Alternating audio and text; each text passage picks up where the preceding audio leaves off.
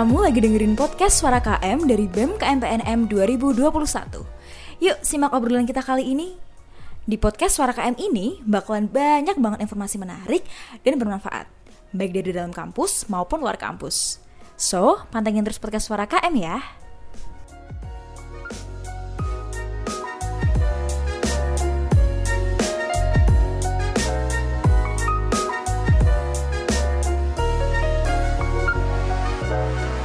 Assalamualaikum warahmatullahi wabarakatuh.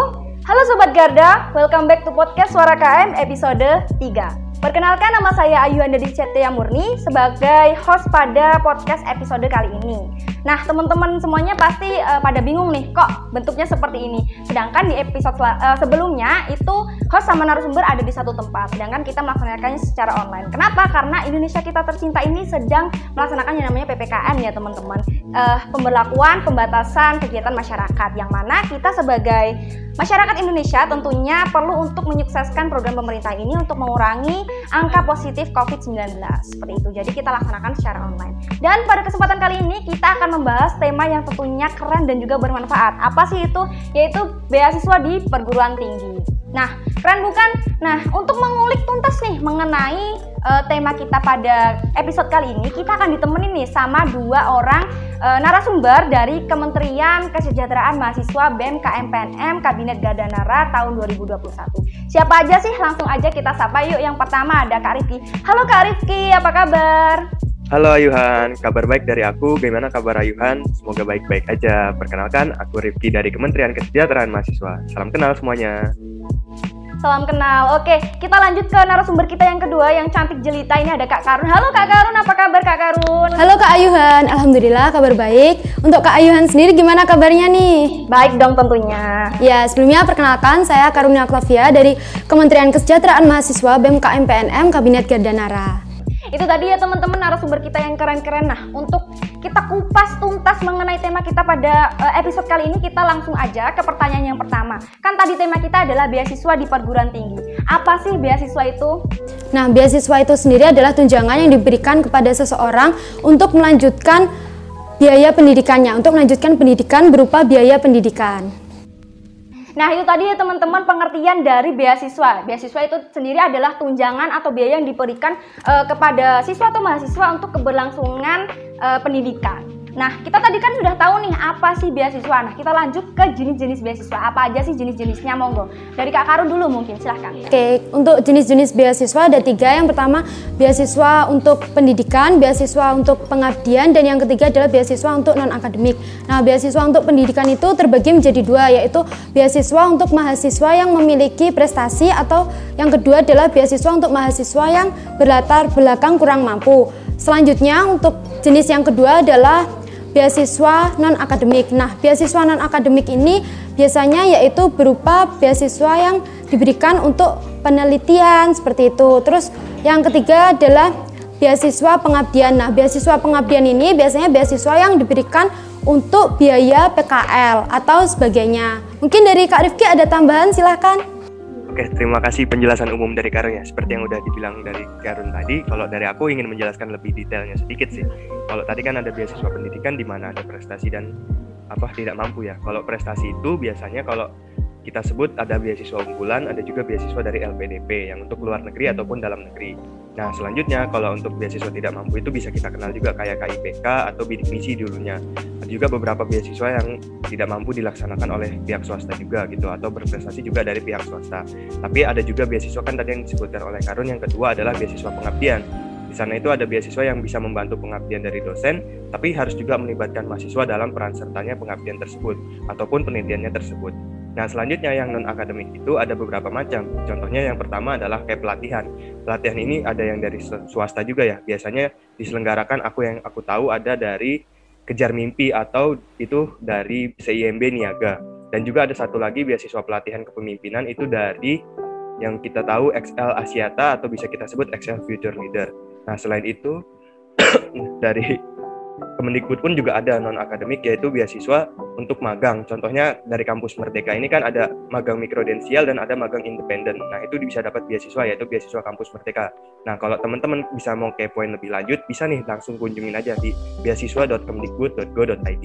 deh langsung dikepoin di sana itu banyak banget beasiswa yang bisa teman-teman telusuri di sana mungkin seperti itu dari aku Oke, terima kasih Mas Rizky dan juga Karun. Nah, tadi kan sudah dijelaskan ya, sudah disebutkan maksudnya uh, jenis-jenis beasiswa. Mungkin nih uh, bisa di yang mana sih yang paling berpeluang untuk kita masuk nih? Uh, kalau dari aku sendiri yang paling berpeluang untuk kita masuk adalah di beasiswa pendidikan. Karena di beasiswa pendidikan itu biasanya pemerintah memberi bantuan kepada mahasiswa untuk melanjutkan akademiknya gitu dan itu kuotanya besar kak jadi uh, jangan jangan takut untuk nggak terima dicoba dulu aja karena kuotanya juga besar terus juga dana yang diberikan juga banyak insya Allah jadi lebih menjamin seperti itu mungkin dari Kak Rifki ada saran lain Oke, okay, kalau emang masalah berpeluang, semua beasiswa memiliki peluang yang sama. Tapi kalau benar apa yang dikatakan Karun, beasiswa pendidikan jauh lebih banyak penyelenggaranya dan juga jauh lebih banyak apa dapatnya kuotanya juga lebih banyak. Karena kan terpecah juga ya. Ada yang dari pemerintah pusat, contohnya kayak KIPK dan beasiswa unggulan itu kan dari pemerintah pusat ya. Tapi ada juga yang dari pemerintah daerah, contohnya dari daerahku sendiri Jakarta yaitu ada kartu Jakarta mahasiswa unggulan. Nah itu juga beasiswa untuk mahasiswa-mahasiswa yang dari Jakarta. Ada juga kalau di Kota Madiun nih yang menarik, Kota Madiun punya namanya beasiswa Pemkot sehingga buat anak-anak dari Kota Madiun yang ingin melanjutkan jenjang kuliah itu lebih berpeluang untuk masuk karena pesaingnya hanya dalam satu kota dan juga kuotanya jauh lebih banyak daripada pelamarnya. Mungkin rata-rata seperti itu. Mungkin seperti itu kalau dari aku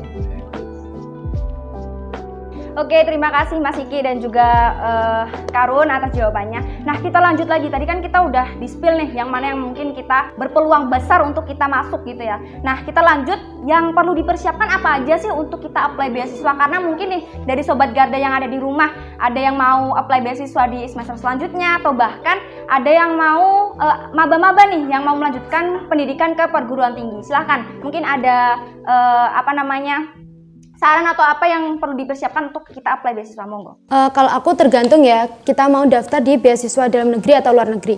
Kalau misalnya untuk persyaratan di dalam negeri sih umumnya biasanya ijazah terakhir, nilai transkrip, terus slip gaji orang tua, terus kakak, akta kelahiran seperti itu. Tapi kalau untuk yang di luar negeri biasanya juga ada tambahan untuk mencantumkan esainya. Jadi mungkin ada ya dari beberapa mahasiswa yang masih awam terhadap esai itu apa. Nah, jadi juga masih rumit, perlu belajar lagi. Nah, mungkin dari teman-teman juga perlu banyak belajar lagi tentang esai itu kalau misalnya kalian berminat untuk masuk di beasiswa luar negeri seperti itu.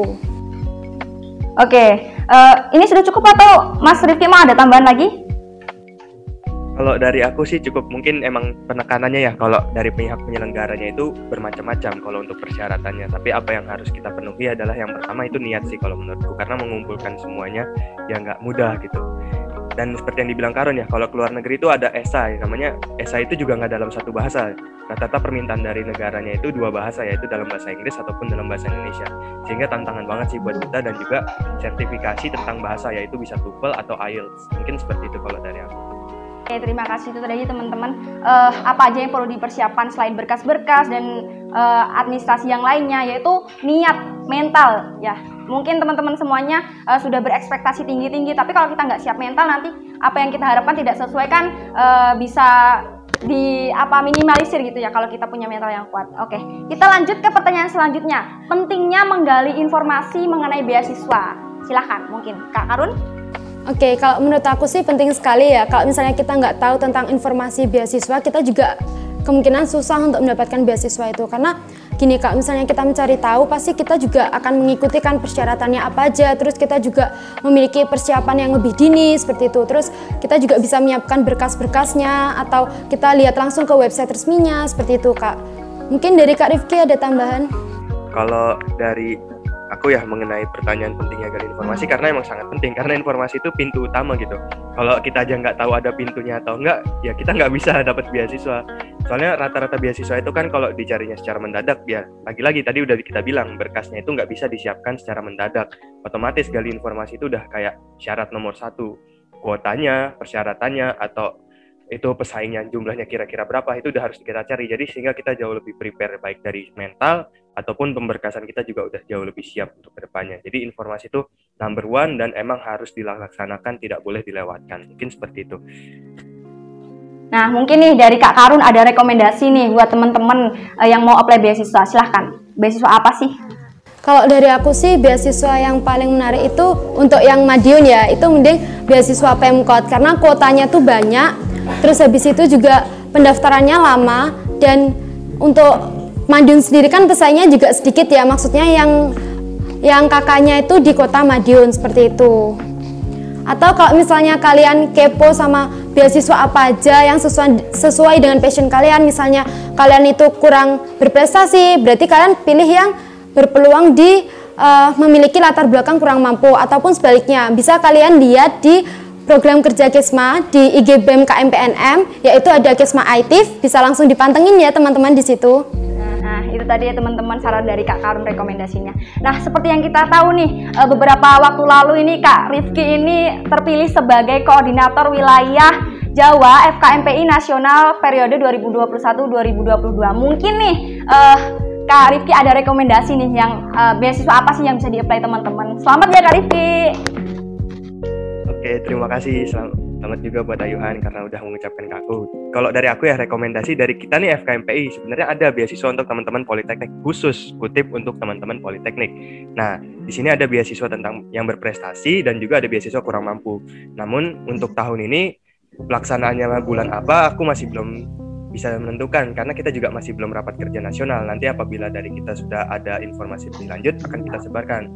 Aku menyarankan sih untuk teman-teman yang nonton podcast ini stay tune, follow IG official FKMPI supaya beasiswa-beasiswa dari FKMPI itu bisa mencapai ke informasinya ke teman-teman. Selain itu beasiswa dari FKMPI juga nggak cuma tentang kasih duit aja, kita juga ngasih kayak akses buat teman-teman ikut ke acara FKMPI juga. Jadi aksesnya lebih luas dan juga teman-teman bisa dapat merchandise dari FKMPI. Nah, selain informasi dari resmi beasiswa FKMPI, FKMPI juga biasanya sama nih kayak program kerjanya Kesma Aktif, yaitu meng-share informasi tentang beasiswa yang ada di luar sana, sehingga bisa mempermudah juga teman-teman politeknik yang ingin mendaftar beasiswa atau membutuhkan sebuah beasiswa. Mungkin seperti itu. Oke, terima kasih Kak Karun dan Kak Rifki. Kita lanjut ke uh, pertanyaan selanjutnya nih. Kan tadi kita udah tahu nih apa sih beasiswa, jenis-jenisnya, terus gimana cara apply-nya, terus pentingnya gali informasinya. Nah, pasti nih saat kita apply kita akan mengalami yang namanya masalah atau kendala. Nah, ini mungkin kendala-kendala apa saja sih yang mungkin nah kita uh, alami saat kita mau apply beasiswa? Monggo Kak. Kak Rizky mungkin. Oke, kalau dibuat katakan kendala sebenarnya aku lebih banyak kendala di pemberkasan pada saat beasiswa. Biasanya itu kalau ngurus ke kelurahan itu rada rumit. Orang-orang kelurahan biasanya butuh waktu beberapa lama untuk mengurus dari berkas-berkasku untuk diaplik ke beasiswa. Selanjutnya juga kalau lebih kendala ya benar, cuma pemberkasan sih. Dan juga seleksinya aja yang perlu kita siapkan. Kalau dari aku sih mungkin ya itu pemberkasannya lebih disiapkan dan juga jangan cepat nyerah sih kalau pemberkasannya dipersulit atau bagaimana karena emang itu titik juang awal kita dan juga untuk senang-senang ke depannya atau untuk kemudahan kita ke depannya. Itu tadi teman-teman. Mungkin dari Kak Karun ada tambahan monggo? Enggak, dari aku sih lebih ke persiapannya ya, persiapkan menyiap-nyiapkan berkas-berkasnya bersama kayak Kak Rifki. Jadi uh, kita telusuri dulu, kita kaji ulang apa aja yang dibutuhkan seperti itu. Jangan sampai pas udah kita mau numpuk ada beberapa berkas yang belum kekumpul. Jadi kayak nggak uh, bisa dilihat dari pusat. Nah nanti yang panitia yang menyeleksikan juga bingung kan pastinya kok ini kosong. Nah seperti itu. Jadi meminimalisir kefatalan seperti itu. Kalau dari aku pertama adalah persiapan dari mahasiswanya itu ya mem mau mempersiapkan beasiswanya itu. Itu tadi ya teman-teman kendala-kendala yang mungkin uh, dialami. Terima kasih Kak Rifki, terima kasih Kak Karun atas uh, penjelasannya. Oke kita lanjut ke uh, ya pertanyaan yang selanjutnya nih teman-teman. Pasti nih ada pandangan di masyarakat di bahkan di lingkungan kita sendiri nih. Uh, kan kamu kaya kok dapat beasiswa sih? Kan kamu nggak pinter kok bisa apply beasiswa sih? Nah menurut dari Kak Rifki nih gimana Kak Rifki dulu nih? Oke ini menarik sih. Sebenarnya emang nggak sedikit ya stigma di sana. Kadang aku juga dapat PC teman-teman temanku kok dapat beasiswa tapi padahal HP-nya iPhone atau segala macam. Hey lihat lagi lah beasiswa apa yang dia dapatkan kalau menurutku. Kalau dia mendapatkan beasiswa tidak mampu, berarti dia emang tapi dia mampu itu berarti emang menyalahi aturan itu kalian berhak untuk melaporkannya segala macam biar beasiswanya dicabut itu sangat berhak untuk hal seperti tersebut. Nah tapi ada juga beasiswa yang ditujukan untuk berprestasi. Contoh ya yang saya yang saya idolakan saat ini gitu loh. Kayak mau di Ayunda sebenarnya kan dia sudah pintar banget gitu loh dan juga sudah cerdas dan juga orang berada gitu tapi dia menerima beasiswa dari LPDP karena itu emang beasiswa untuk berprestasi. Jadi emang sekelas artis pun masih berhak untuk menerima beasiswa gitu loh. Selama itu tidak menyalahi aturan dari beasiswanya. Contoh beasiswanya itu tersebut tepat sasaran karena dia berprestasi. Mungkin seperti itu teman-teman. Nah, seperti itu ya teman-teman. Uh, Kak Karun ada tambahan? Uh, mungkin kalau dari aku ya seperti itu ya karena kan uh, beasiswa sendiri ini terbagi menjadi dua dua macam ya. Untuk yang pendidikan itu ada yang berlatar belakang kurang mampu dan ada yang berprestasi. Jadi kalau orang kaya mendapatkan beasiswa itu sebenarnya ya etis aja. Mungkin dia mendaftarnya di beasiswa berprestasi gitu. Jadi nggak karena dia orang kaya dia nggak berhak mendapatkan beasiswa. Kenapa tidak ya kan? Seperti itu. Nah Uh, terima kasih Kak Karun, terima kasih Kak Rifki atas penjelasannya. Itu tadi teman-teman bahwa stigma seperti itu tuh nggak bisa kita telan mentah-mentah. Yang mana uh, kamu kok kaya, kamu kok dapat beasiswa, kamu kan nggak pinter kok kamu bisa dapat beasiswa. Itu menyesuaikan lagi dari apa yang kita apply. Nah kita harus sesuaikan. Mungkin uh, kayak yang dibilang Kak Rifki tadi, contohnya Kak Maudi Ayunda dapat beasiswa. Itu bukan uh, berarti dia kan artis, dia kan pastinya mampu untuk membiayai dan lain-lain. Tapi kembali lagi karena Kak Maudi Ayunda itu uh, berprestasi seperti itu. Nah kita lanjut ke uh, pertanyaan terakhir dari saya nih teman-teman. Nah, mungkin nih dari Kak Rifki dan Kak Karun nih mau cerita pengalaman atau mungkin mau kasih kiat-kiat nih untuk sobat Garda semuanya yang ada di rumah mengenai gimana apply beasiswa atau dan sebagainya. Atau mungkin nih ada role modelnya dari Kak Rifki sendiri atau dari Kak Karun sendiri. Monggo, siapa dulu nih yang mau jawab? Mungkin Kak Rifki dulu silahkan. Silahkan Kak. Aku dulu ya. Kalau aku pengen cerita tentang diriku sendiri dan juga aku pengen cerita sih tentang idolaku tadi yang aku bilang mau dia Yunda bahwasanya kalau diriku sendiri ya aku penerima bidik misi dan juga aku dari kalangan tidak mampu gitu. Nah kalau dari aku sih kiat-kiatnya yang mending kita nggak boleh malas ngurus pemberkasan. Karena emang benar jujur aku di awal pun kayak udah tiap hari bolak-balik ke kelurahan bolak-balik ke sekolah. Walaupun sekolahku dulu emang amat sangat jauh gitu dari rumahku. Kalau aku biasa berangkat sekolah itu berangkat jam 5 pulangnya selalu nyampe maghrib gitu sampai rumah. Nah, itu kan amat sangat jauh sekolahku dengan rumahku. Dan itu cuma bolak-balik ngurusin beasiswaku aja untuk bidik misi itu. Nah alhamdulillahnya puji syukurnya kan alhamdulillah aku dapat. Dan juga sekarang juga amat sangat membantu aku untuk keberlangsungan aku biaya pendidikan yang ada di ketika aku di rantau dan juga biaya hidup gua ketika di rantau. Tapi di lain sisi ya aku pengen cerita tentang idola aku juga tentang Maudi Ayunda. Sebenarnya kiat-kiat apa sih yang perlu kita siapkan sebelum apply beasiswa segala macam itu? Sekelas Maudi Ayunda pun yang udah aku aku akui gitu amat sangat cerdas gitu. Dia mempersiapkan untuk beasiswa LPDP itu hampir satu tahun. Bayangin untuk sekelas dia yang udah pintar aja butuh satu tahun dan kalian yang emang pengen seperti Maudi kalau bisa lebih dari effortnya sehingga kalau menurutku niat itu udah paling niat dan konsisten lah kalau bisa seperti itu mungkin kalau Karun Oh ya, silahkan Kak Karun. Ya, kalau saya yang pertama adalah niat dan yang kedua adalah dukungan dari orang tua juga ya. Jadi kita mendaftar beasiswa itu harus ada tujuannya gitu. Kayak misalnya kita pengen meringankan beban orang tua atau gimana gitu lah. Kalau misalnya kita sudah sudah yakin mau mau daftar di beasiswa itu ya kita harus konsisten sampai akhir. Persyaratan semua harus harus kita urus gitu. Menyiapkan berkas-berkas. Mungkin yang agak ribet di persiapan berkas-berkas itu ya apalagi untuk slip gaji orang tua. Nah untuk slip gaji orang tua itu kita juga harus minta uh, gaji orang tua itu di kantornya kemudian ditandatangani oleh kelurahan.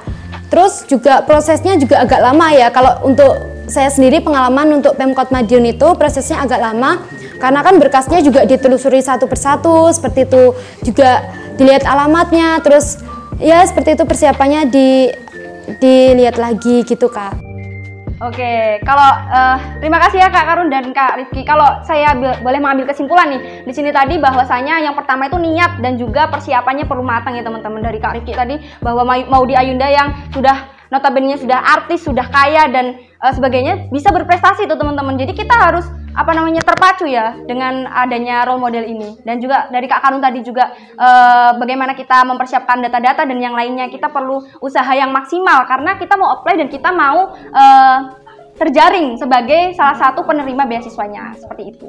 Uh, Oke okay, teman-teman itu tadi pertanyaan dari uh, saya sendiri untuk kedua narasumber kita atau materi kita pada pagi hari ini. Nah teman-teman bahwasanya podcast Suara KM ini tidak terlepas kesuksesannya tidak terlepas dari yang namanya sponsorship. Ada dua di sini ada Ekraf BMK F Ekraf BMK MPNM dan juga ada Pepudis. Mungkin teman-teman bisa langsung kepoin IG-nya ya uh, untuk cek-cek apa aja sih yang mereka jual dan uh, mungkin teman-teman nanti tertarik untuk membeli merchandise atau bahkan uh, camilan atau bahkan dessertnya. Oke teman-teman aku udah pernah nyoba risolnya dan itu enak banget. Cobain deh guys. Pokoknya kalian jangan lupa kepoin IG-nya, oke?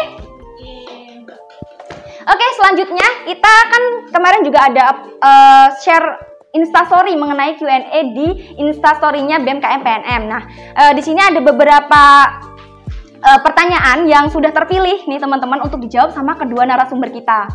Jadi uh, yang pertama di sini ada Ed Adaira. Uh, pertanyaannya yaitu jika beasiswa hanya untuk prestasi akademik, lantas yang di luar akademik tidak bisa dapat gitu. Apakah gitu? Nah, kita coba tanya ke narasumber kita yang uh, kedua nih Kak Karun monggo Kak Karun. Uh, mungkin kalau menurut saya itu lebih ke orangnya ya. Orangnya itu yang mendaftar sudah paham belum konsepnya itu sasarannya untuk siapa. Kan kembali lagi kita juga sudah ketahui bahwa beasiswa itu ada yang untuk non akademik, akademik, beasiswa berprestasi seperti itu. Jadi kita harus mendaftar sesuai dengan passion kita. Kita mencari sesuai passion kita. Kalau memang kita kita bukan termasuk orang yang pintar di bidang akademik, mungkin kita bisa mendaftar di lainnya mungkin seperti di pengabdian atau di beasiswa uh, kurang mampu atau sebagainya seperti itu jadi pinter-pinter menggali informasi ya kembali lagi ke situ Nah itu tadi ya teman-teman, terima kasih Kak Karun sebelumnya. Jadi kita harus sesuaikan dengan apa sih yang mau kita apply. Jadi kalau kita memang bakatnya di non akademik, kita bisa cari beasiswa yang sesuai dengan bakat kita. Atau bahkan kita memang pinter nih, nilai kita bagus-bagus, kita bisa apply di beasiswa yang mengedepankan nilai dan lain-lain seperti itu. Nah itu tadi ya teman-teman pertanyaan yang pertama, kita lanjut ke pertanyaan yang kedua. Dari Ed Anugrah underscore 18 tips cara mengelola keuangan beasiswa gimana kak? Nah ini mungkin bisa dijawab dari Kak Rifki nih, monggo Kak Rifki. Oke, pertanyaannya menarik banget sih mengelola keuangan dari beasiswa ya. Kalau menurutku beasiswa itu harus diprioritaskan untuk akademik kita dulu. Kenapa aku berbicara memprioritaskan di akademik? Karena emang tujuan dari beasiswa adalah menunjang akademik kita. Nah selanjutnya apabila akademik kita udah mulai terpenuhi kebutuhannya, itu bisa kita gunakan untuk biaya hidup kita sehingga karena kan tubuh kita juga menunjang akademik kita sebaik-baiknya tubuh kita harus diberikan yang terbaik juga gitu nah itu bisa dipakai tuh uang beasiswa kalian untuk membantu atau ngebikin sehat tubuh kalian sendiri nah Selain itu, kalau bisa ditabung untuk keperluan urgensi atau mungkin ketika teman-teman tiba-tiba sakit atau semacamnya. Kalau yang harus dihindari ya, uang beasiswa itu jangan dipakai untuk bersenang-senang atau hedon-hedon segala macam atau dipakai hal-hal yang tidak berguna. Contoh beli mainan atau beli apa itu, kalau bisa jangan dipakai untuk hal-hal seperti itu kecuali emang itu hal dibutuhkan untuk menunjang akademik. Contohnya seperti itu, mungkin seperti itu Kak Ayuhan. Terima kasih banyak Kak Rifki, setuju banget nih teman-teman. Jadi uh, uang dari beasiswa ini harus dipergunakan sebagaimana mestinya gitu ya teman-teman. Dan paling penting kalau memang bersisa itu kita bisa tabung untuk keperluan kita. Dan yang pertama itu kayak pandemi kayak gini kan kepenting kepentingan kita yang utama adalah menjaga yang namanya imun ya teman-teman. Nah itu mungkin bisa dimanfaatkan untuk menjaga imun kita. Uh, itu tadi teman-teman pertanyaan kita yang kedua. Yang ketiga dari Ed Septian Reza. Tips biar keterima di organisasi BEM. Ini agak OOT ya teman-teman, nggak apa-apa. Mungkin dari uh, Kak Karun atau Kak Rizky nih yang mau jawab pertanyaan ini. Monggo, silahkan. Ya mungkin dari aku dulu ya kak dari aku yang pertama adalah niat dan yang kedua adalah konsisten sama yang ketiga adalah bertanggung jawab jadi kalau kita udah niat terus kita kita jalani dari awal sampai akhir dan tahu taunya alhamdulillah kita keterima itu kita juga harus bertanggung jawab jadi nggak nggak lepas tanggung jawab gitu nggak cuma ingin menampakkan diri di BEM gitu jadi juga mengabdi di BEM gimana sih biar supaya maju seperti itu mungkin Oke, terima kasih Kak Garun. Kak Rifki mungkin ada tambahan monggo? ini sedikit OOT ya, tapi nggak apa-apa. Kalau menurutku ya, first thing first harus tahu maksudnya mau masuk BEM itu untuk apa, mau ngapain di BEM, dan juga goalsnya selesai dari BEM itu mau seperti apa. Nah, itu yang harus ditekankan sih kepada teman-teman. Jadi, sehingga ketika udah masuk dari BEM, dia nggak tersesat. Di BEM aku ngapain? Tugasku nanti ke depannya ngapain? Itu nggak tersesat seperti itu. Walaupun teman-teman emang masih belum tahu tugas fungsi BEM atau tugas kementeriannya monggo bisa dikepoin aja dari oh ternyata kementerian ini ngejalanin prokernya seperti itu ya mungkin seperti itu diperjelas lagi niat dan goalsnya itu juga akan membantu kalian untuk diterima juga ke depannya nanti mungkin seperti itu kasih Kak Karun dan Kak Rifki nih ya. Itu tadi teman-teman udah di-spill bocoran nih gimana caranya kita bisa masuk ke organisasi BEM. Oke lanjut ke pertanyaan yang selanjutnya yaitu dari Intan underscore Aini. Cara pengajuan KIPK di Poltek dong Kak. Monggo mungkin dari Kak Karun nih silakan. Oh ya, kalau untuk cara pengajuan di Poltek KIPK itu sebenarnya sama ya umumnya. Setiap setiap perkuliahan selalu ada seperti itu karena itu programnya pemerintah dan untuk pendaftarannya itu biasanya dari SMA kita lulus kita harus persiapkan untuk ke kuliah. Jadi mulai semester awal. Nah untuk lebih detailnya bisa langsung aja dicek di websitenya KIP kuliah seperti itu Nah, tadi teman-teman. Terima kasih Kak Karun. Jadi, kalau kita mau apply beasiswa KIP kuliah itu bisa langsung cek di websitenya. Mungkin nanti bisa ditambah twing-twing di sini ya, teman-teman. KIP kuliah gitu. Oke. Lanjut ke pertanyaan yang terakhir nih, teman-teman. Dari @padutkam PNM. Ada nggak sih beasiswa ke luar negeri yang full funded? Mungkin dari Kak Rizky nih, silahkan monggo. Selaku finalis juga ini, monggo. Oke, terima kasih ya teman-teman Duta atas pertanyaannya. Mungkin teman-teman Duta pengen go to luar negeri. Fully founded banyak. Ada dari pemerintah pemerintah Indonesia secara langsung melalui LPDP yang aku bilang dari tadi aku ngomongin LPDP, LPDP, LPDP. Mungkin teman-teman bisa langsung kepoin aja deh IG-nya lpdp.ri. Itu dari langsung Kementerian Keuangan. Emang penyedia beasiswa ke luar negeri fully founded dengan syarat kalian harus kembali ke Indonesia setelahnya. Ada juga nih yang nggak harus kembali ke Indonesia Contohnya itu beasiswa yang diselenggarakan oleh negara yang dituju kalian. Contoh kalau Jepang ini punya namanya beasiswa Max. Beasiswa Max ini bisa ada dua metode yang bisa kalian apply yaitu via embassy atau via profesor. Nah, kalau via embassy ini kalian mengajukan melalui kedutaan besar Jepang yang ada di Indonesia. Tapi kalau dari via profesor, kalian harus mengenal dulu profesor, coba kirim email ke profesor, dan nanti profesor akan merekomendasikan kalian untuk mendapatkan beasiswa dari Max.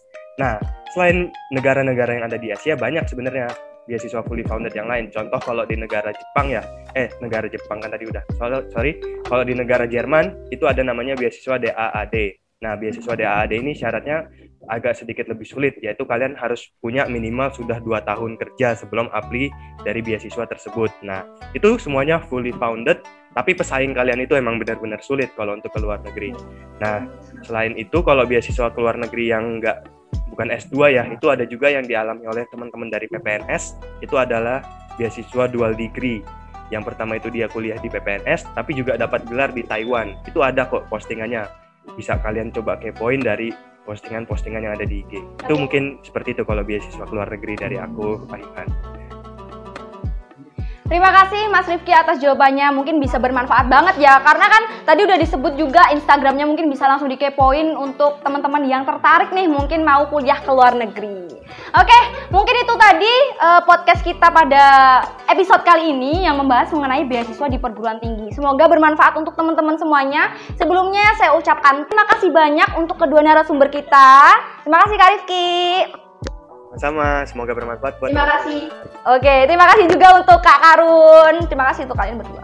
Oke, itu tadi teman-teman uh, podcast kita pada episode kali ini. Terima kasih juga untuk teman-teman pendengar semuanya yang ada di rumah dan di mana pun tetap jaga kesehatan. Oh ya, pandemi belum berakhir teman-teman. Jangan lupa pakai masker, rajin cuci tangan dan juga menjaga jarak. Kalau nggak penting-penting banget, nggak usah keluar ya teman-teman. Jaga iman, jaga imun, tetap sehat dan juga tetap terhindar dari COVID-19. Nah, teman-teman, sebelum kita akhiri dari podcast Suara KM sendiri ini juga punya yang namanya jargon, teman-teman. Nah, apa sih jargonnya? Yaitu be a voice, not an echo. Mungkin dari narasumber kedua narasumber ini bisa bareng-bareng nih. Oke, kita coba jargonnya ya, bareng-bareng. Satu, dua, tiga. Be a voice, not an echo. Oke teman-teman, itu tadi podcast uh, episode 3 kali ini. Jangan lupa nantikan podcast episode selanjutnya. Terima kasih. Wassalamualaikum warahmatullahi wabarakatuh. Dadah.